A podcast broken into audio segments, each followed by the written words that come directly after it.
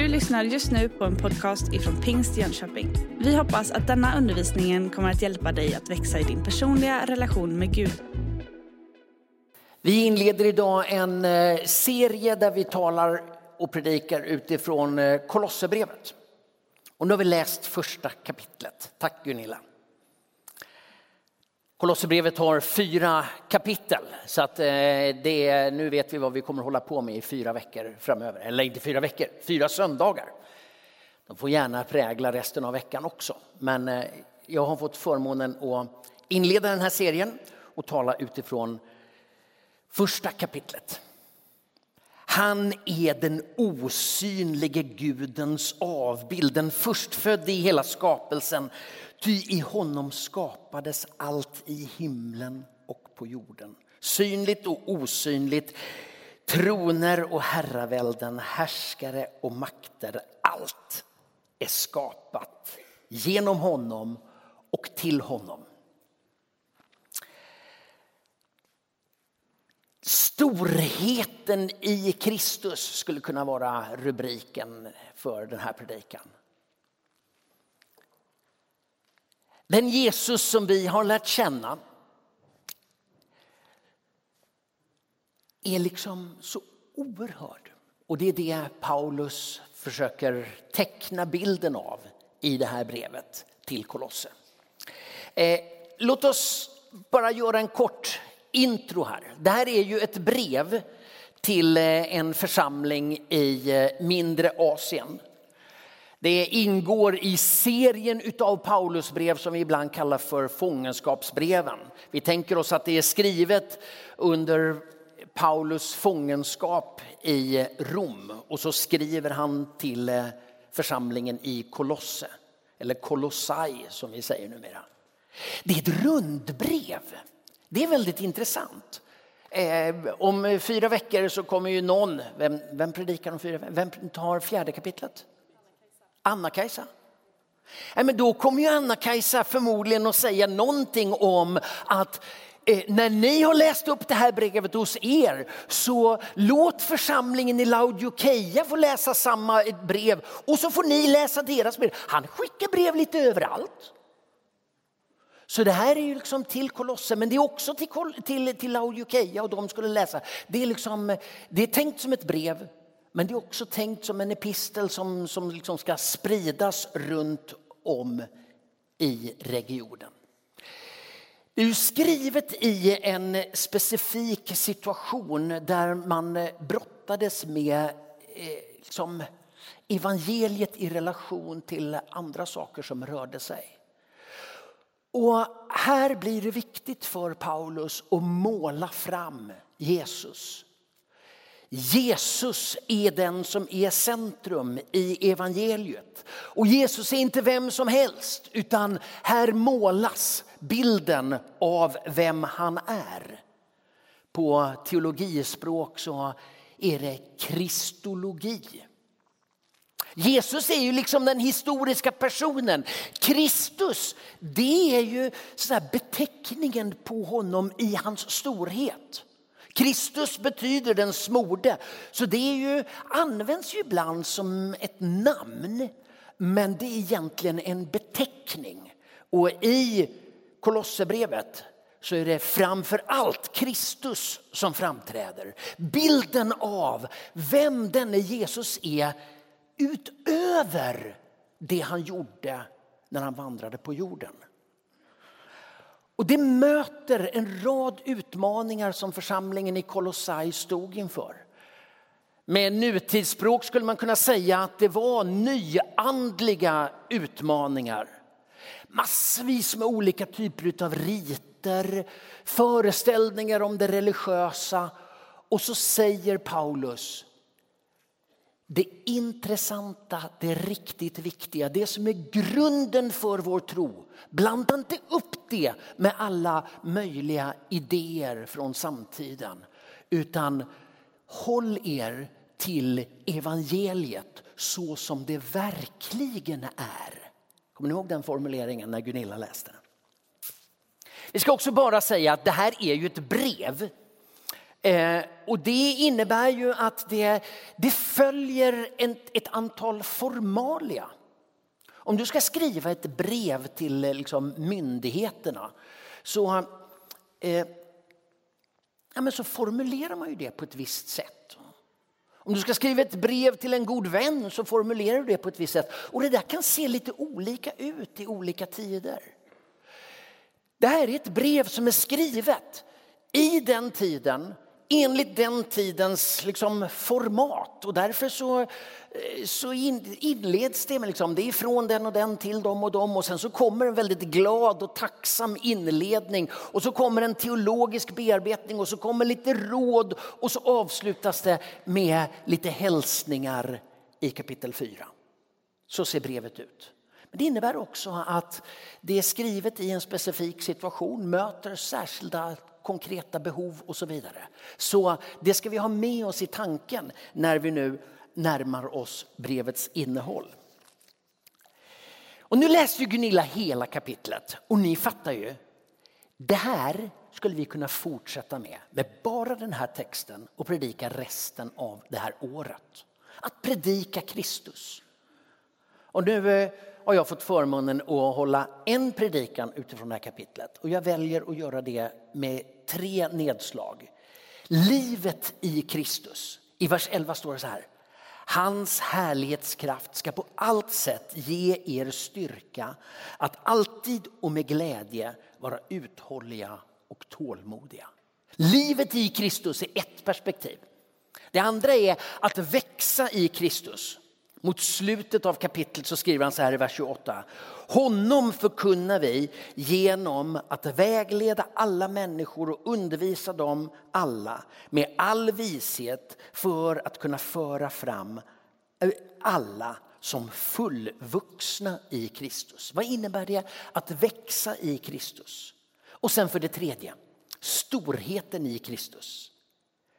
I vers 20 står det så här. Och genom hans blod på korset stifta fred och försona allt med sig genom honom och till honom.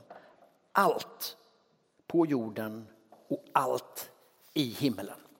De tre tematikerna väljer jag att eh, säga någonting kring utifrån kapitel 1. Och låt oss börja med livet i Kristus. I Kolosserbrevet så verkar det som om eh, församlingen där, de hade tagit till sig tron och lät den tala om sig. I vers 4 så skriver man så här, vi har hört berättas om er tro på Kristus Jesus. Det här återkommer i Paulus brev gång på gång när han skriver till olika. Vi har hört om er. Ni har fått ordet att höras. Och, och församlingen låter tron landa i livet så att livet låter tron höras. Det är inte bara byggnaden som talar.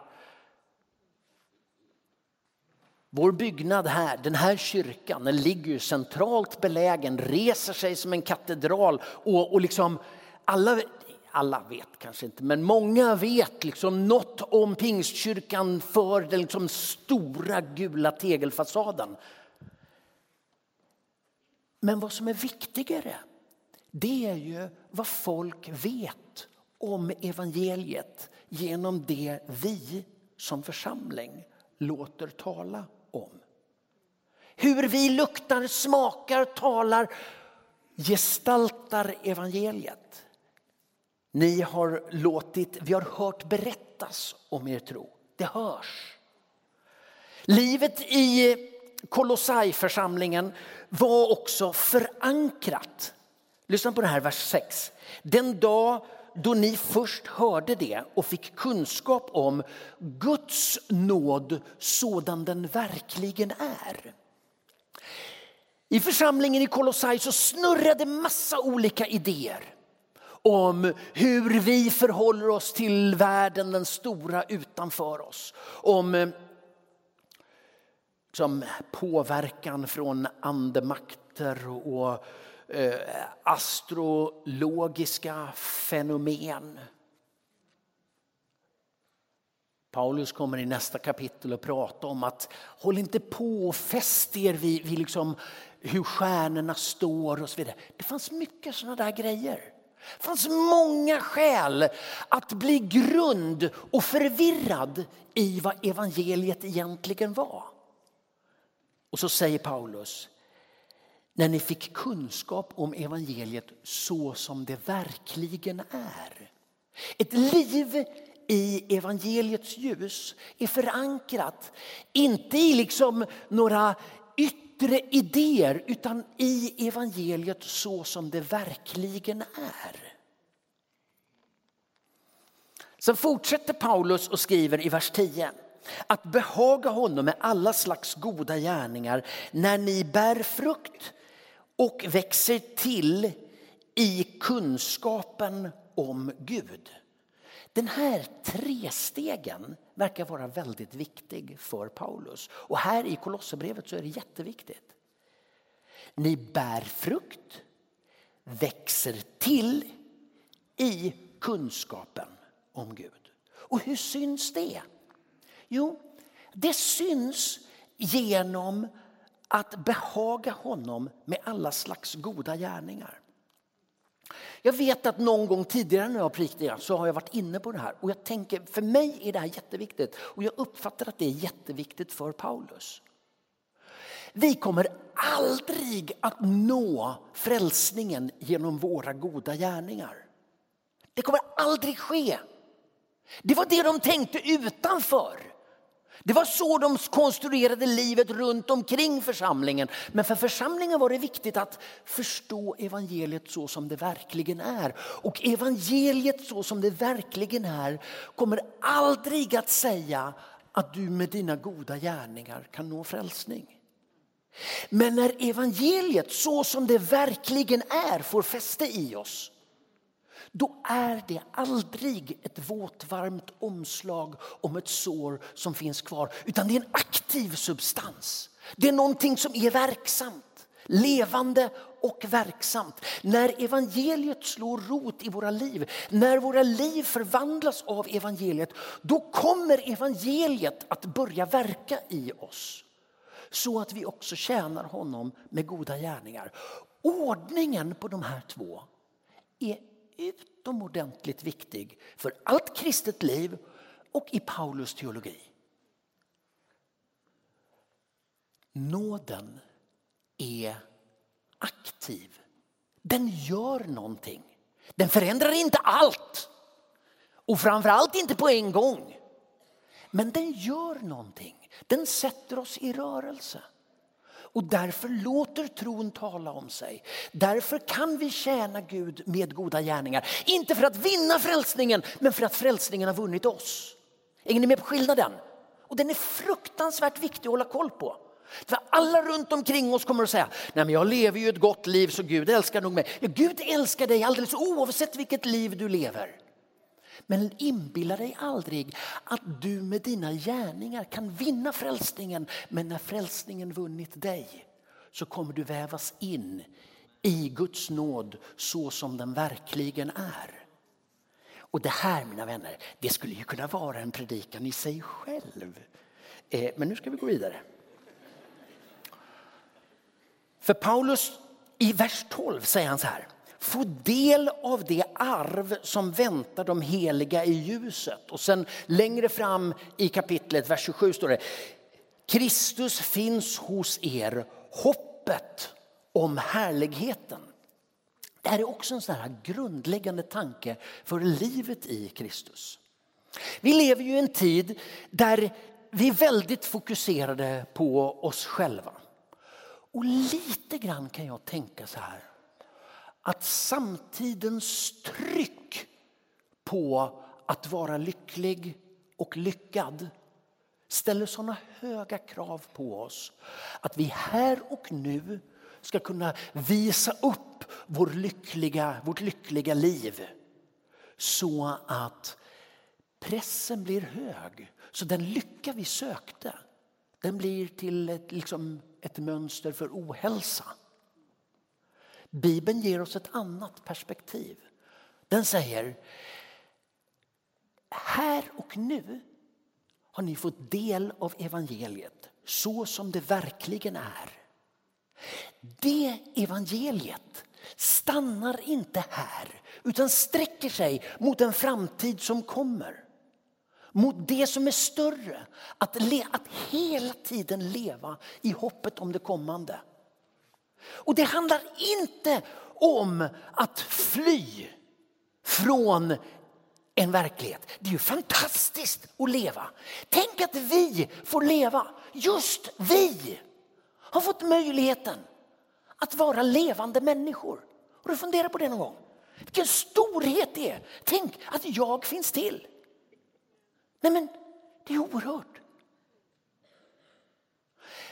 Bland alla miljarders möjligheter så var det just jag som blev till. Det är oerhört, det är stort. Att vi får leva just nu, det är oerhört stort. Vi har aldrig haft det så bra som vi har det nu. Aldrig i mänsklighetens historia. Det är inte så det framställs i media. Men vi har aldrig haft det så bra som vi har det nu. Det är fantastiskt. Men Bibeln säger, hur underbart det än är här så är tillvaron större. Vi lever i ljuset av någonting som kommer. Gud ska upprätta sitt rike och här och nu får du och jag börja leva våra liv i hoppet, i ljuset av det kommande. Det där är väldigt utmanande men väldigt, väldigt viktigt. Allt i vår tid säger samla på dig det du har. Bygg ditt här och nu. Forma det så att du själv mår bra. Och Bibeln säger Gör allt för att gestalta evangeliet här och nu. Men glöm aldrig vart du är på väg. Glöm aldrig hoppet om det tillkommande. Att leva i hoppet. Att leva i Kristus. Att växa i Kristus. Oj, oj, oj. Ja, men det här är ju oerhört. Vers 28 talar om att vara fullvuxna i Kristus. Jag vet ju inte, alltså, när jag tittar ut över samlingen här så tänker jag ju så här, det är ju rätt många jag, eh, rätt många här tänker jag att jag känner. Några känner jag väl. Ganska många känner jag till. Jag har ju inte pratat med alla av er hur du känner i förhållande till hur vuxen du är. Jag kan ju titta på er och göra någon slags okulär besiktning och tänka här är ett helt gäng som bör betrakta sig själva som vuxna. Men nu gällde ju frågan fullvuxna i Kristus. Det är inte självklart att det är samma sak. Jag är 50, blir snart 59 år man får ändå betrakta mig som relativt fullvuxen. Jag har passerat åldern där man inte längre växer på höjden utan man liksom sakta sjunker ihop lite grann. Jag växer på andra håll möjligen men, men, men som människa är jag fullvuxen. Men evangeliet så som det verkligen är lockar oss till att bli fullvuxna i Kristus. För att tala med ett annat Paulusord, nå en mognad som svarar mot Kristi fullhet. Alltså detta att förankra våra liv i honom. Förankra våra liv i evangeliet så som det verkligen är. Och genom den förankringen hela tiden ta steg, växa. Och som Paulus skriver, kunna föra fram alla som fullvuxna i Kristus. Och så skriver han i vers 10 att växa till i kunskapen om Gud. I ett annat av sina brev så säger han, vi ska inte vara barn och lekbollar för alla lärovindar. Hebreerbrevet talar om att gå vidare från mjölkfödan till fast föda och så listar han ett antal saker som vi därmed behöver liksom jobba med och, och träna vår tanke och så vidare. Växa i alla avseenden, skriver Paulus i Romarbrevet. Alltså, det finns en förväntan på att när evangeliet så som det verkligen är slår rot i oss, att det skapar en drivkraft, en längtan, en rörelse som hela tiden innebär en pågående mognad. Det här kan ju leda till en känsla av liksom anspänning. Växer jag nu? Är det så här jag gör när jag växer? Hur ska jag? Hur mycket ska man spänna sig i sin inre människa för att vara en växande? Och så. Då skriver Paulus så här i vers 25. Att låta Guds ord gå i fullbordan. Alltså, när du och jag växer så är det Guds ord i oss som växer. Inte våra ord om Guds ord, utan Guds ord i oss. Det här är en återkommande tanke i Nya Testamentet. Jag vet inte om du har tänkt på det när du har läst, liksom, läst igenom Apostlagärningarna. Apostlagärningarna är en spännande bok som liksom börjar i en liten avkrok, vilket Jerusalem var, Eh, i den tidens imperium och avslutas i imperiets huvudstad.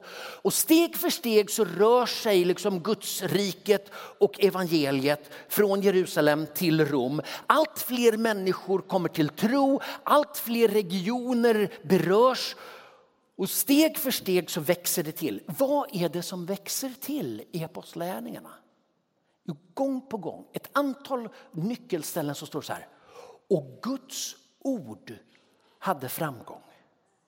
När du och jag växer så är det inte genom våra ansträngningar utan det är genom att Guds ord, det han talar, när Gud säger sitt ord, evangeliet så som det verkligen är, när det slår fäste i oss och formar oss så växer vi. Och det finns en tydlig förväntan på att du och jag ska leva just i den typen av tillväxt. Att växa, att utvecklas. Och jag önskar att vi som församling ska hjälpa varandra i den typen av tillväxt. Och detta skulle ju också med fördel vara en egen predikan. Men vi går vidare till den tredje punkten som egentligen ligger till grund för de andra, nämligen storheten i Kristus. I vers 20 står det så här. Och genom hans blod på korset stifta fred och försona allt med sig genom honom och till honom. Allt på jorden och allt i himlen. Kristus, så som han framträder i Kolosserbrevet, är den som upprättar, försonar och genom sin död och uppståndelse skapar helt nya förutsättningar för mänskligheten och hela tillvaron. Och när Paulus talar om att få tag på evangeliet så som det verkligen är så är det rotat just i detta. Alltså att få tag på vem Jesus Kristus verkligen är. Vad han har gjort, vem han är och vad det betyder för oss. Vers 13 står så här. Han har räddat oss och friköpt vi har friköpts och fått förlåtelse för våra synder. Det där som vi var bundna i och som vi inte kunde ta oss ur, mörkrets välde, har förbytts i ljus uppståndelse. Mörkret blev ljus, döden blev liv, synden blev räddning och så har vi förts in i hans sons rike. Ingen kunde göra det i sig själv. Och runt omkring församlingen i Kolossai så försökte man med olika typer av späkningar, med olika typer av ritualer, med olika typer av idésystem, med olika typer av förväntningar på astrologiska fenomen. Men inget av detta kunde göra det Jesus Kristus gjorde. Och nästa vecka kommer Beatrice att predika om kapitel 2. Vi vet ju inte, men hon kanske kommer beröra den versen som säger han drog ett streck över det skuldbrev som belastade oss med lagens krav. Men det är ju nästa veckas predikan. Storheten i att han har räddat oss. Den finns förankrad i vem han är. Lyssna på det här. Den osynlige Gudens avbild. Förstfödd i skapelsen. Och så står det så här, lyssna nu, lyssna nu noga. Och särskilt ni som är lite språkintresserade. Han finns före allting och allting hålls samman i honom. Är inte det en märklig felskrivning? Alldeles före gudstjänsten så träffade jag broder Max. Då. Och vi pratade om en text som jag hade skickat till honom om han hade kollat på den och så sa han lite så här, nej jag hann inte, jag, jag, var, eh, jag, var, eh, jag, jag var upptagen imorgon. Och så tänkte jag, Max då, Max då. Du har inte koll på tider och livet. Det, det som var, budskapet gick i alla fall fram. Eh, han hade inte läst texten jag hade skickat till honom. Men om det var igår eller imorgon eller var man var eller om man är, eh, det var otåligt. Här är det en mycket, mycket medveten skrivning. Han finns före allting. Finns är ju en presensform, det är någonting som är. Före allting borde vara något som är var. Han var före allting. Och ni som är lovsångssjungare, ni vet ju att vi har ju en, vi har ju en lovsång som anspelar på just den här texten. Lovsångsförfattarna har inte riktigt orkat hålla sig till bibeltexten utan där är han var före allting. Jag kommer inte exakt, det där borde jag tagit reda på vilken sång det är men jag, jag ska plocka fram den så Gabriella får kolla på den här. Vi ska inte skriva om texten, det är inte det jag menar men det här det är, det är den sanna beskrivningen. Han finns före allting och allting hålls samman. Allting är skapat av honom och Gud har beslutat att låta all fullhet bo i honom. Får jag bara säga en kort sak till innan vi går mot avslutning. Just detta om hans vara. Han är först född i skapelsen. När den kristna kyrkan längre fram ska liksom försöka reda ut vem han egentligen är så blir de här två begreppen helt avgörande. Skapad och född. Och I den essenska trosbekännelsen så kommer man säga så här. Född före all tid. Född och inte skapad. Kristus så som han framträder i Kolosserbrevet och så som jag tänker är viktigt att förankra i vår teologi och vår förståelse. Det är, det finns ingen tid då Kristus inte fanns. Är ni med? Han finns före all tid. Han är född och inte skapad. Och därför är han del av hela tillvaron. Och allting är skapat i honom, genom honom och till honom. Och allting hålls samman i honom. Ibland målar vi ut makter och härskare och företeelser och allt som stora. Och så blir det en kamp mellan Kristus och allt annat. Och jag vet att jag har sagt detta en gång tidigare i, i någon predikan, men nu säger jag det igen. I tillvaron finns en enda viktig gräns. Och det är gränsen mellan skaparen och det skapade. Kristus tillhör skaparen. Allt annat är skapat. Allt annat är skapat i, genom och till honom. Härskare, makter, troner, välden, änglar, demoner, du och jag, stenar och hus. Allt är skapat av, genom, till och i honom. Och det blir grunden för storheten i Kristus. Vem är han? Jo, men han är den som är hela tillvarons ursprung och slutmål och upprätthållare. Och det är han som har räddat oss ur mörkrets rike och fört oss in i riket av ljus.